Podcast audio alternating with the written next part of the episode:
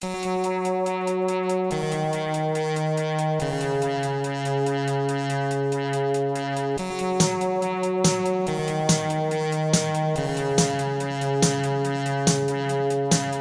to First Draft with me, Sarah Enni. This episode is brought to you by What I Talk About When I Talk About Running, the Haruki Murakami book that is reminding me why I love running so much, and is the root for that running play on words that everyone uses all the time.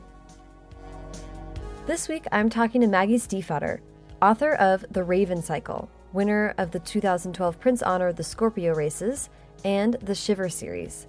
Her newest, All the Crooked Saints, is out now. I have been reading Maggie Stiefvater books for a long time.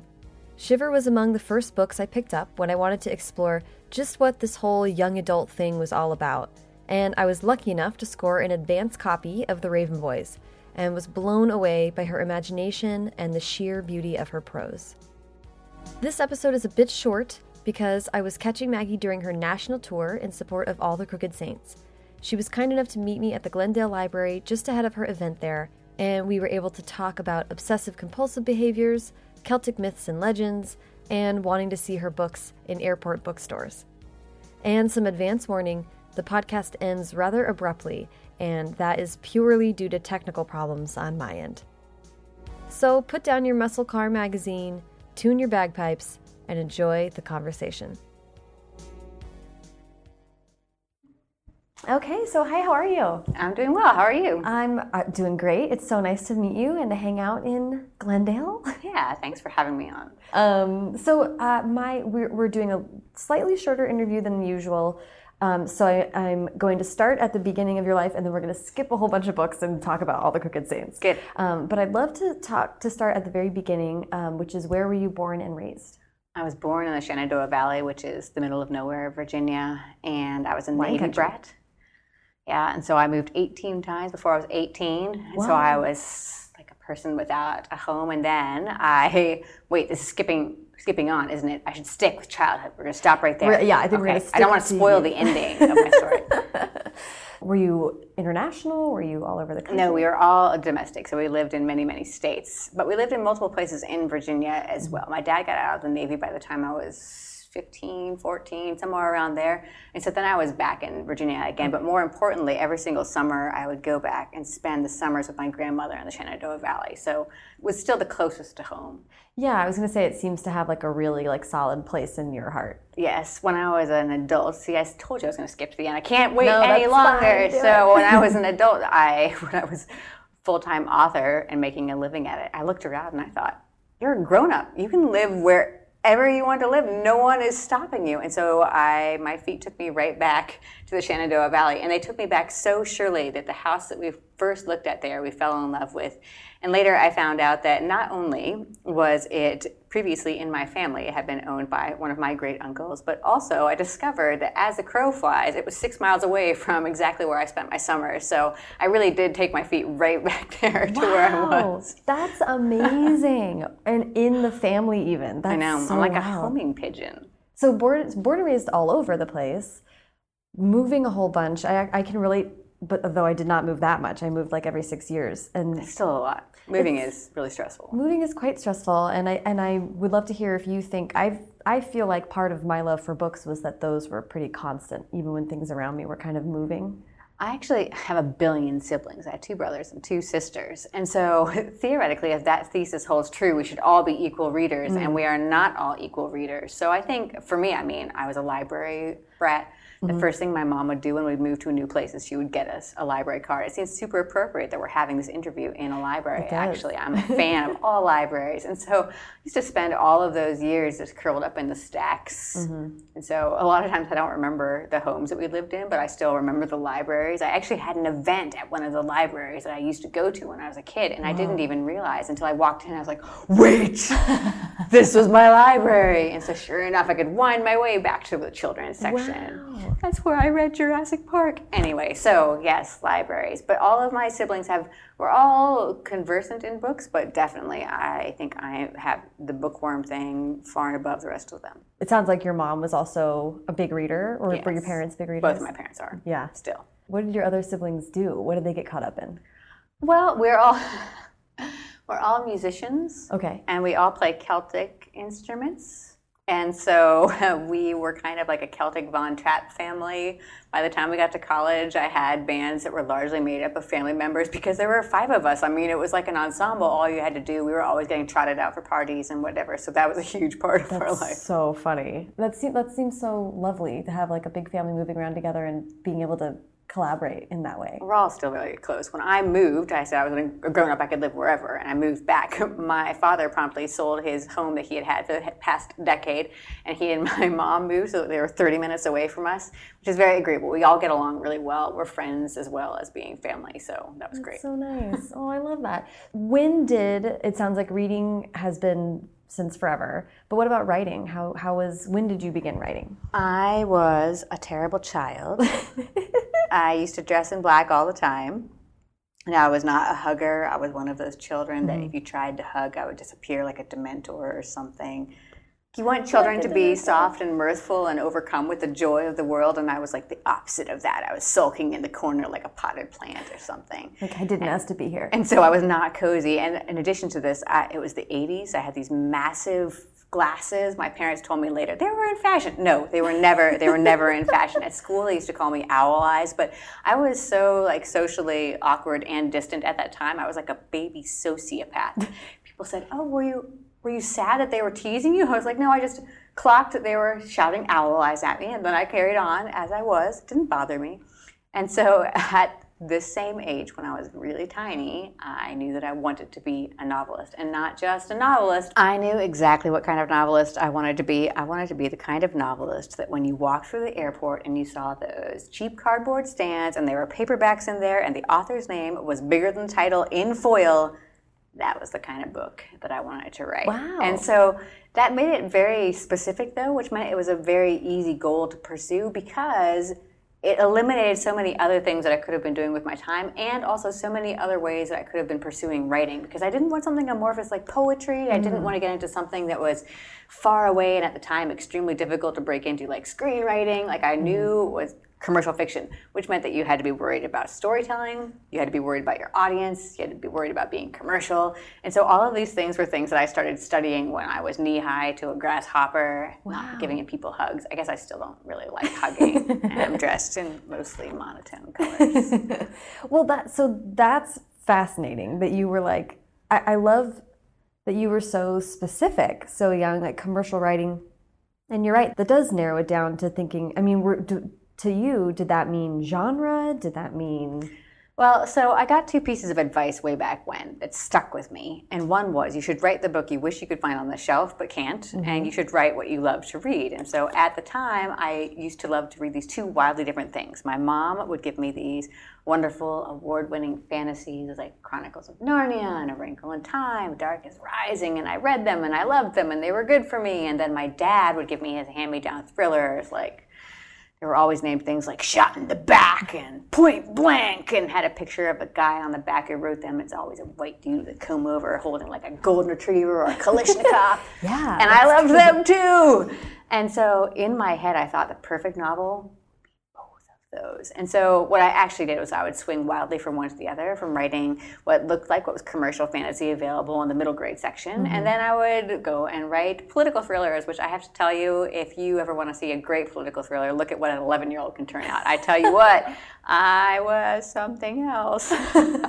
That's so interesting. Even from the earliest writing, you were really looking at long form, like Yes. novels. And when did you, I mean, I'm just so curious about when, like, were you furiously filling notebooks with writing? Were you reading books about writing? Like, how did this call all manifest? My dad had a word processor, I remember. This is how you can tell the story took place in the 80s. And so it was a compact computer the size of most children's desks nowadays. And I remember I would type it there, and you could only see one line at a time, and I oh, would print them out and bind them, which is actually kind of disappointing because most of my early great works obviously have been lost to time. but I still have a bunch of floppy disks because he had an old IBM. My father's an emergency room doctor, and so he had one to work on his stuff at home. And so I got to use his IBM, which at the time felt very, do they even exist anymore? Maybe. Probably. IBM exists, but Yes, but not that computer, probably not. also the size of a extremely large television. Yeah, they make chips, I think, the size of our thumb now. So. Yes. anyway, so I still have the floppies on those, and I, I saved some of them. And the earliest political thriller I have is from 16, and it's it's amazing. There's love scenes in it, but of course I hadn't been kissed. And my husband was a cop for 10 years, and he used to have a weapons manual that he kept to take apart his service weapon and put it back together again and clean it, and it had diagrams, and that's what the love scene was like, except without the diagrams. It was a thing of wonder. um, but I, the thing is, I always knew that it wasn't something that you just did, and I think Yeah. that's something that actually served me well. I don't know when I first made that realization. I think it's because the entire family was made up of musicians, and so music is an art, but no one thinks that you'll sit down at a piano and play effortlessly, and yet everyone thinks you will sit down at a novel and you will tap it out and ta-da it's going to be fantastic. And so i never had any illusions about that. I always knew it was a skill. And so like i said i was a library rat and so i mm-hmm. used to spend all of this time in the stacks. I would read not just the craft books but i'd also read the writers market with all of the publishers and what they were looking for. Wow. i was a very obsessive child. That's well. That's it's like you're giving yourself an MFA in like your spare time, like in high school. That's so interesting. which is good because i'm terrible at sitting in a classroom i am an awful classroom learner well, I was gonna say, was this like, w- w- was it a relief from school, like leaving school and being like, now let's go to my real job almost? i was homeschooled from sixth grade on there you go. because the nuns had their way with me until I was in sixth grade. Oh wow. Yeah, once we were homeschooled, the schoolwork would come in a box. All of my siblings would get their separate box for their grade level, and you were supposed to do it over the course of a month with the guidance of your parent. And you would turn in work every single week. You'd mostly mail off essays and things like that because obviously your parent could just check your work for everything mm-hmm. else. And so my other siblings would sit down and they'd have their time where they would do their school each day. And what mm-hmm. I would do is when my box came, my mother would just hand it to me and I would take it to my room and I wouldn't sleep for two days straight. I would just do all of my homework and then I would just do whatever I wanted for the rest of the month. Wow. I told you, I warned you I was an obsessive child. I was a very obsessive child. Does that type? First of all, I just have to say that your description of yourself as a child made me think of like a goth Madeline. Yes, that is exactly what I was a studious goth Madeline. it's like an image that I'm, I'm going. I'm savoring. Also, Um, you should know that I was so scrawny that my third grade teachers, the nuns, sent a letter home with me saying that if my parents didn't start feeding me, they were going to call social services. And it was because I was so obsessive about what I ate. I would usually just eat food that ended with O's, like Oreos or SpaghettiOs Wow. or Cheerios. Now I found out that I actually I have crazy food allergies that were diagnosed in college, and so I think I was self-selecting. But at the time, I just didn't eat food, and if I didn't like the way it was looking at me, I was like, "You and I are not gonna happen. Food, we're not doing it." So you need to imagine small goth Madeline, and also super scrawny. Just throw me over your shoulder. This, though this is really interesting because we're talking about your. I have a friend who has an egg allergy, so he links a lot of his current obsessive behaviors and anxieties to the fact that he was never a carefree kid. He always had to be worried about what other people were going to feed him and not trusting other parents and stuff like that. Interesting. See, because I didn't know about it, but I was a very phobic child. I was afraid of all kinds of things. The worst one was that I used to think that there was a pack of wolves that lived in my heartbeat that was coming to get me. And when I was laying down at night, of course, thinking about it more would make my heartbeat go faster, which made them come faster. I was a very phobic child. But no, I didn't. also, that's that's like that is like the amount that makes so much sense that Maggie Stiefvater would think that there were wolves that were going pack to of wolves that come lived in out of my your heart. Well, that was a very complicated thing, but I didn't know about the food things. But what's interesting about food intolerances that I have I've studied exhaustively because mine are very complicated. I'm tolerant to a whole long list of chemical preservatives that are Oh. high in histamines, and so it was difficult to diagnose because it looks like it's attached to a lot of other things. But Oh. what's interesting, and this is totally not book related. What's interesting is that many food intolerances, the folks find out that they are craving what hurts them, and what they don't know is that when they eat it, their body reacts and releases endorphins. So you're actually getting kind of hooked on it. So trying to get rid of the things that are actually hurting you, a lot of times what you really, really want to eat then is the stuff that's been doing it. So I had that weird, complicated relationship with food, and so I can look back as a kid and see how I was in this push-pull mm-hmm. sort of zone with it. That's really fascinating. Wow. The sort of obsessiveness and this kind of work ethic that you're talking about is that something that continues to this day? I mean, like the sort of intellectual binging seems like a lot of authors I know. Well, so some of it is that I actually do have diagnosed obsessive compulsive disorder, which was extremely untreated back then. I didn't know. My mother is extremely obsessive compulsive as well, and half of my siblings are, which fits perfectly into statistics. If you uh, have an obsessive compulsive parent, you have a 50% chance of passing it along. Both yeah. of my children are also that. And so that was part of it. Part of it was because all of my siblings have sort of sensory processing issues.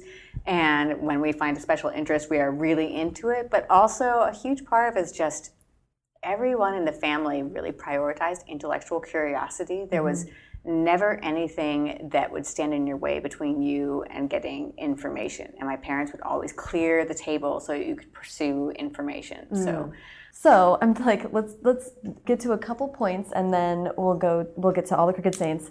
I just would love for you to take us from being home homeschool, starting to write. When, how old were you when you first got published? When did you get the move to move back to Virginia? A little bit of the setup. Of how I was going to say this is a complicated and checkered journey, but I'm sure that's true of every single author ever. But uh, so I went to college when I was 16.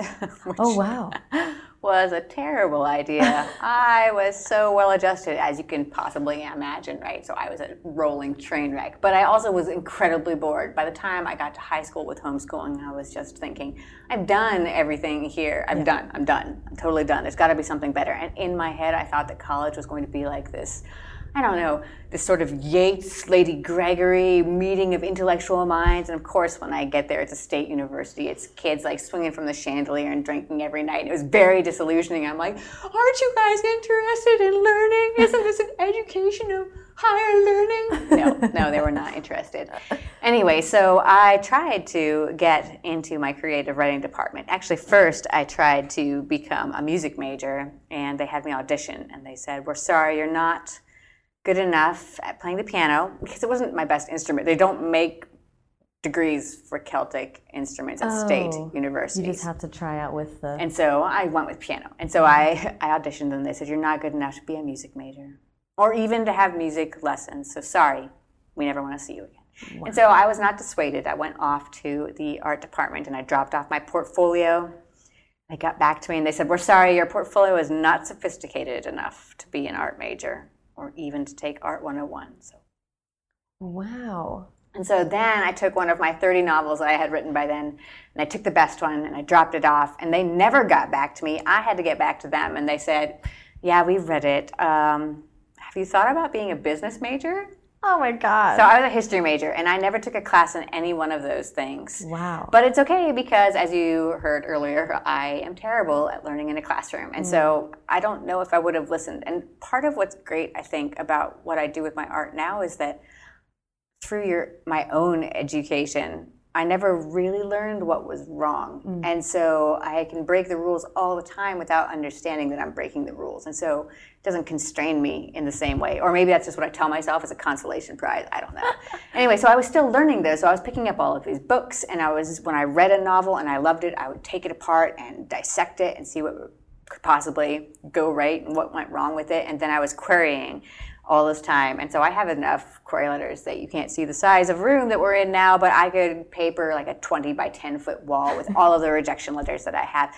I never felt dissuaded by this. People ask if I got discouraged, and I was like, no, because remember, the goal was to be the author in the airport. And the thing is, you can't be that unless you're delighting most people. And so I didn't want to trick my way into getting published because there'd be no point. If you're trying to lure people at the airport, that's the, like the lowest common denominator is people who don't pick up a book. And so I knew, you know, I wanted there to be amazing reception. Otherwise, I knew I wasn't there yet. And so I just kept on writing. I'd always start a new novel, query it again. And I could see the progression in the rejections where they started out, Dear author, please stop. Love the editors. And then they would say, Dear author, you know, thank you for submitting. And then finally they would like cross out author and put Dear Maggie and then they would start to say, not for me, but for someone. And then I got published. The very first time I wrote a novel that was worth reading, I got published, and not a moment before. And I don't know, I know that it seems like a capricious kind of industry, but to me, it seems, I don't know, it worked for me. All the stuff that happened before that really should have not seen the light of day. And right. as soon as I got anywhere close, people were like, wait, that's close, stop there. We yeah. want you.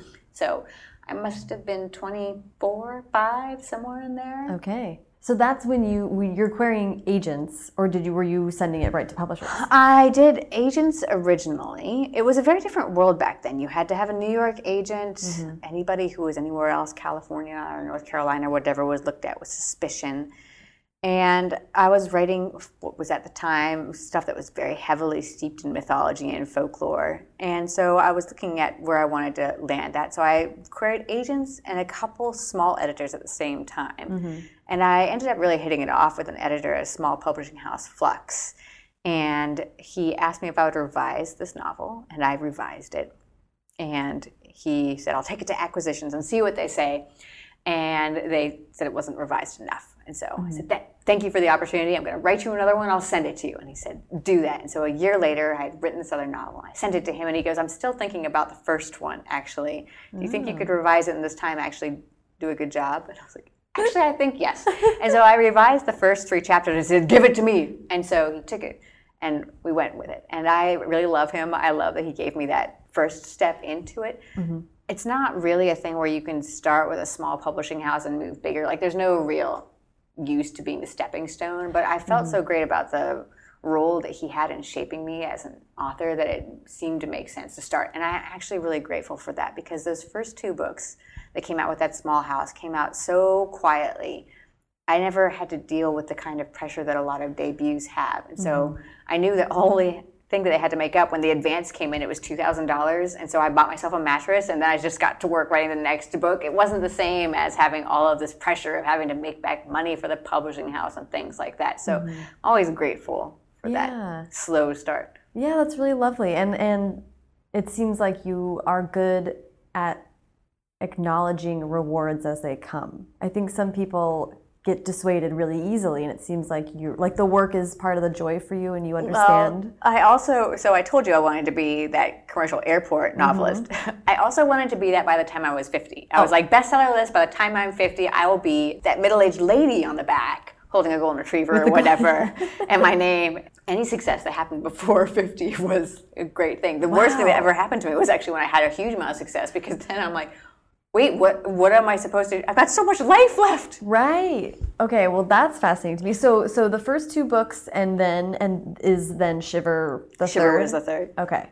And I actually sold Shiver before the first two books came out. Oh really? Because I publication means that, you know, when you submit a book, the book doesn't come out for 14 months or whatever. Yeah. And so I was writing all this time. And so I got my agent to negotiate the second deal with the same publisher. And she said, Well, do you have anything else in the works? And I said, Sure, I'm always writing. And that was Shiver. And so she sold that at the same time as the other one. And so I had all of these. My second book and my third book both came out in the same year. It was a very wow. strange experience. Wow. Yeah, that's intense. Yeah. Um, because then Shiver went on to become Shiver, like a yes. really big deal. yes. So we're gonna we are sadly gonna skip the Raven Cycle because I really want to get to all the Crooked Saints. But I'd love to hear how the Raven Cycle was also really really loved, and I think you had a strong fan reaction to that series, right? Yes. So how did you? I'd imagine that would be its own kind of pressure about moving on and what to do after. It was. Uh, not as terrible as you would think because it was the same move as after the Shiver trilogy. Like I knew how to deal with fan pressure by doing something completely different. Mm-hmm. And so it, that was actually not the challenge with Saints. The challenge with it was actually for myself. So I've been writing the Raven Cycle forever, continuously for five and a half years, but also it was a very old idea from when I was 19. Really? And so I had been writing the Raven Cycle for decades. These characters had been around forever. Like mm-hmm. Gansey has been sitting around forever. And so the real challenge was I thought, if you start writing another book right now, it's going to sound like the Raven Cycle because you've been writing the Raven Cycle forever. It will be the Raven Cycle with different characters. And so I thought, you need to fight this by making every single decision when you come to a crossroads, pick the one that you wouldn't have automatically taken before. Ooh. And so every single decision took me away from the Raven cycle, which was this immersive kind of getting into your head, ripping out your heart, and living there instead as a secret new parasite that is mm-hmm. controlling your emotions of the readers, like making them as moving as much of their emotions as possible behind the scenes. And so mm. it turned into Saints instead, which thematically covers some of the same ground in the sense that it's about how to heal yourself mm-hmm. and how much you need other people to heal it, but instead turning that inside out so you can see that mechanism made really boldly exterior instead and turning it into this sort of magical realism fable instead where it was all very playful and you can see that it's a story from the outside and you're invited to play with the words instead of losing yourself inside them.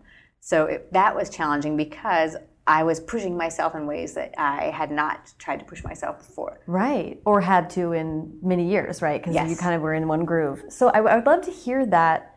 I love that that's how you came to the magical realism kind of style. But how did you, when you realized that that was kind of the style you were going to go for, and we're going to write about a Mexican American family, how did you approach? It's like a very guarded, loved style for Latina um, Latinx writers. Well, it's interesting because it's a very long tradition in general with Latinx writers, and I wanted to be honorable to that as well. But it's also found not with the name magical realism, and in an older, slipperier, not as strict style in Celtic storytelling. And so it felt like a very familiar thing mm-hmm. to go for.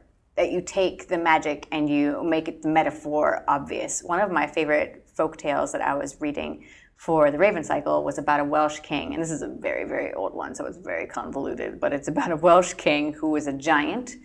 And so nobody in the story had a problem with him being a giant. They're just like, yeah, he's a big guy, can't fit in any house, that's fine. and at one point, they were chasing the Irish, they were fighting them over cows, probably, because everything back then, fighting over cows.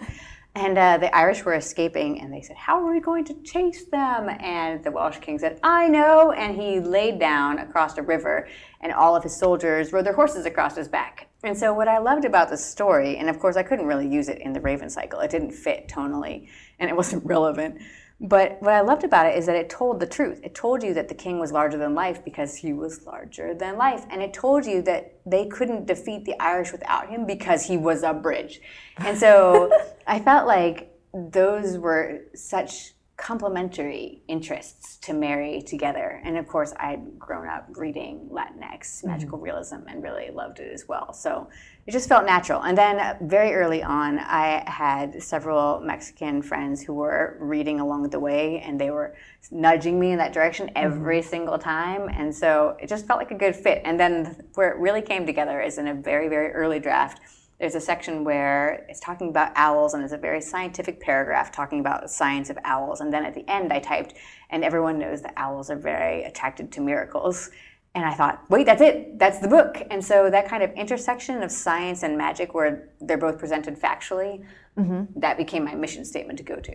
That's so fascinating. And that you had so you had readers along the way that you felt like could corral you in. If I mean, like I don't know, there's just that style is and I'm never going to be able to do it as well as that. Not, it's always going to be an homage. Anything I do would always be an homage because I'm always going to be an outsider looking in. So if it leads any unfamiliar readers to that, well, I'm excited for the incredible breadth of literature that they are going to have opening up in front Yeah. of them.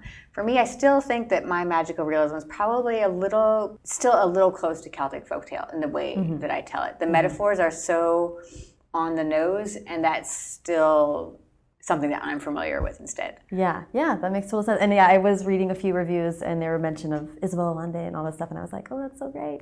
Yeah, other um, readers opening up a whole world for them. Um, and I do want to talk about the miracles, the two-step miracles. And uh, this is like, forgive me, have- I'm going to quote you to you really quick. um, so the, they're in the in the book, in all the Crooked Saints, there are um, miracles that are actually performed by saints, one saint um, in particular. But they're two-step. One is performed by the saint. The second performed by the pilgrim themselves. And you, when you wrote about this book, you said, I'd watched several close friends thoughtlessly repeat destructive life choices that they had already made once before, and watched other friends perform the terrible life choices they'd seen modeled for them as children. I began to question if we were all doing that, if we were all locked into ruts made early in our lives, if we were doomed to be puppets without self awareness. Seems like the two steps is the first step is like an awareness of what the pat the destructive behavior is and then the second step is you have to fix it Yes, I read a review. I always read as many reviews as I can in the first week. I just want to see, like, it's part of that commercial storytelling thing. I'm not going to change what I'm saying, but if I will change how I'm saying it if it's not missing or if it's missing the mark, if it's not landing the way I mean it to, it means that I have to adjust. Mm-hmm. Anyway, so I read a review that said, this is clearly Maggie Stiefvater's thesis on mental health made into a novel. And I was like, a little, a tiny bit, a little bit. And, but yeah, that first miracle where the saint makes the pilgrim's inner darkness visible. I think a lot of people think that that's where the healing ends. Once you have a diagnosis or once you find out what the root of the problem is, you're like, okay, good work past this. We're done. Like, off I go. But instead, in this book, of course, the first miracle leaves them often increasingly unable to live in the real world because they have the head of a coyote now or they have rain pouring on them all the time. And so instead of getting the quick fix that they expected, instead they have found that they are ruined. I mean, they can't go back to their old life and they can't go forward either. And so the second miracle is, of course, vanquishing that darkness. Mm-hmm. And in the book, the saints won't interfere with that because there's a taboo. They say that if they interfere with any of the pilgrims' healing, then their own darkness will come down upon them. And so I did all of this setup because I wanted to talk about how I thought that what you can do to heal yourself and when you need someone else, and also when someone else's experiences would actually help you to heal and mm. what the limitations and benefits of that are, and also the dangers of, indeed, as a saint if you are sharing yourself with someone else, then does that open you up to your own darkness? And the answer is, of course, yes. That's the book. I mean, but yeah, it has to. Um, well, and that's it's interesting because then you, in that same post you talk about how the book started out being much darker. Yes. It was literally called Darkly. I yes. Think. But then things changed in the world, and you said the world became the world we see today, and I no longer wanted to write about darkness and the ruts we fall into. I discovered that I wanted to write instead about light and hope and what it takes to solve ourselves. And two things I wanted to know about was do you think the book would have made that change anyway? And also, I would love to hear you talk a little bit about using that word solve because that's that feels also a little final too. Well, okay, so I think that the book would have changed. They always changed in reflection, but I think it would have changed in reflection to who I was instead mm-hmm. of the mm. world. It's very unusual for me to. I mean, the world is always terrible things are happening, great things are happening, more terrible things are happening, and so. As a creator, you have to find a way to navigate that without being so influenced by the outside world, or you will stop. Because if you stop every time there's a tragedy, well, one just happened like two seconds ago, one's happening right now. And so I think it would have shifted based upon things that happened in my life instead of things that happened in the world. And the world just became such a huge show that yeah. I couldn't ignore it anymore. And so, yeah, I don't think it would have changed in response to that. Yeah. And then the other thing, solving. The reason why I said solving, because the thing is about mental health is that you don't really, you're saying that there's no final destination where you check the box and you're healthy. The reason why I say solving is because there's equilibrium. Mm. And so I come from a place of having wildly terrible obsessive compulsive disorder when I was a teenager, especially. OCD and puberty are like designed for a hellscape that no one escapes alive. And I just had no idea how to deal with it. And my mom's was undiagnosed, although my father is an emergency room doctor, so he knew. And later he was like, oh, yes, we knew us. That would have been helpful to know. and so it just, it completely ruined me in college. By the time I got to the end of college, I tried to commit suicide several times. I was in a terrible place. I was lost in indecision, which is one of the real hallmarks of obsessive compulsive disorder. It just leads you down these ever spiraling thought tornadoes until you get to a place where there's no thought whatsoever. And so I eventually got to a place where, again, this was all undiagnosed, but I'm, I'm not good at learning in a classroom anyway, so maybe that wouldn't work. But I came up with a rule for myself, which was that if I had a thought that was terrible, I was allowed to think about it for a certain amount of time, and then I had to wait a certain amount of time that I would give myself until I could think about it again. And so I would I was allowed to think about hurting myself for 10 minutes and then I would have to wait 2 hours. And so every single time I would give myself less time to think about the thought and we have more time in between. And what I didn't realize is that now, of course, looking back with what I've learned about psychology, this was just this is just good CBT, cognitive behavioral therapy. This is what they do for OCD. It's what they do for anxiety. Mm-hmm. And I don't know how I stumbled upon it, but thank God. And so the thing is that I trained my thoughts, and eventually I got to a point where it's painfully easy now to tell the difference between an obsessive thought and a real thought. Oh, Once oh, wow. you have done that, you see how one is mental illness, one is like a reaction to stress, mm-hmm. and one is real, just the way I am. And so I've come to a place that's really comfortable. I still know that when I'm completely under stress, I understand that that is the shape that my darkness will take. Mm-hmm. It will always be that, but that's also the way my brain is wired. I mean, that's just it. We all have whatever that darkness is, our own particular thing is always going to be there. And so solving it, it's like solving a puzzle is not solved by burning the puzzle, it's by getting to the end and understanding the shape of it. And so I think that that's not for every mental health issue, but for a lot of them, for anxiety, for OCD, for maybe not for narcissism, but, Yeah, but for a lot, it's about knowing the shape of it and knowing that that's where you go when you're pushed. that's that's fascinating. That is a great answer.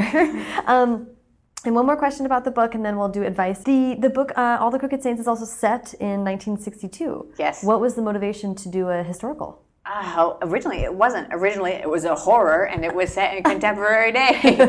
and I thought, as I was writing it, I thought, I want them to be able to go to a sanctuary, like a true sanctuary, like a place out of time where it's like a no one could find them, escape from the real world. And so I remembered that with the Scorpio races, I wrote, I invented an island that people could go to. Mm-hmm. And I thought, I wonder if I could do that same thing by just going back in time. Let's just give it a shot and see what it looks like. And so I kept on moving it farther and farther back in my imagining. And then 1962 was Mm-hmm. thematically good for what the book was doing too, because it's the end of an age of innocence for our country as well.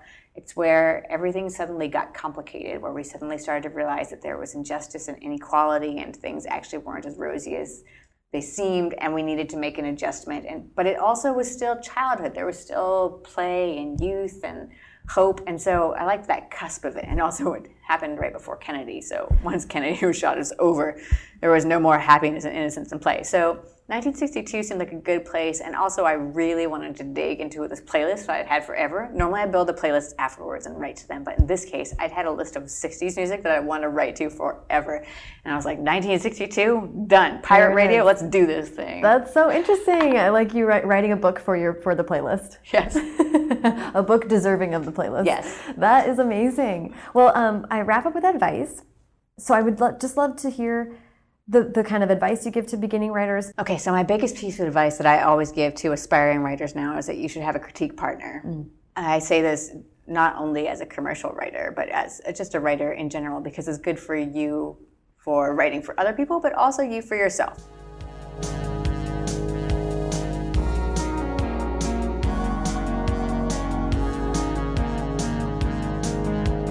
Thank you so much to Maggie. Follow her on Twitter at mstiefvater and follow me at Sarah Enni and the show at First Draft Pod. You can follow the show on Instagram and Facebook too, but for links to everything Maggie and I talked about in this episode, as well as a searchable archive for previous interviews, and to sign up for the First Draft newsletter, be sure to check out the newly revamped and fancy as hell firstdraftpod.com. As always, if you have any burning questions you'd like to hear me and or some author friends address, send them over in an email to questions at firstdraftpod.com. It's that time of the year again, and I am putting together another first draft calendar featuring the most inspirational quotes from this year's episodes. I'm opening up a vote to determine which quotes will make it to the final calendar. Check out the link in the show notes to this episode, or on Twitter or Facebook, or in the first draft newsletter. Be sure to vote for your favorite quotes from the year and stay tuned for your chance to pre order a calendar very, very shortly. If you like what you heard, please leave a rating or review on iTunes. Every five star review makes me feel like I'm part of a Celtic Von Trapp family band. Thanks to Hash Brown for the theme song, and to Colin Keith and Maureen Gu for the logos. Thanks to super intern Carter Elwood and transcriptionist at large Julie Anderson. And, as ever, thanks to you, competitive bagpipe players, for listening.